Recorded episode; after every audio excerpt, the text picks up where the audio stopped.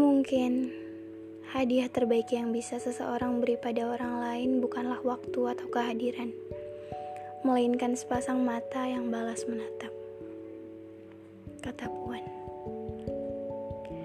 Banyak di antara kita yang tidak sadar bahwasanya banyaknya waktu kita habiskan bersama seseorang tak menjamin kualitas hubungan kita dengan mereka. Meski hidup saling bersisian dan kita saling mengisi kehidupan, ada kalanya pikiran bisa terbang jauh dan kita tahu banyak sesosok tubuh yang tak sepenuhnya hadir utuh. Pada jarak yang tak seberapa, terbentang sebuah jurang yang jauh dan hampa. Tempat pembicaraan kita lari dan membunuh dirinya sendiri. Betapa lucu pada jarak yang tak seberapa. Kita jadi dua orang yang berbeda dimensi. Sama-sama ada, sekaligus juga tak ada. Maka tak heran kalau banyak orang merasa sendiri dan kesepian meski ramai orang di sekelilingnya. Ada, tapi tak ada. Dan kesepian itu membunuh manusia dari dalam, menjadikannya hantu yang tak kelihatan. Yang tersisa hanya perasaan penuh, tapi sesak.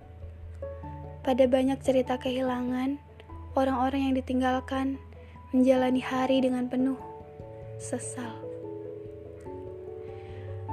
dan hanya bisa berharap seandainya mereka punya lebih banyak waktu.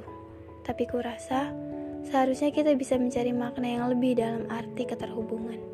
Mengerti bahwa kitalah porosnya, bukan waktu, bukan kesempatan. Sebab sebanyak apa pun waktu yang kita punya, ia tetap tak akan cukup. Tapi jika kita hadir penuh, memaksimalkan apa yang kita punya, ternyata waktu bisa merentangkan tangannya dan menjadi cukup. Maka kukatakan, hadiah terbaik yang bisa seseorang beri pada orang lain bukanlah waktu atau kehadiran, melainkan sepasang mata yang balas menatap.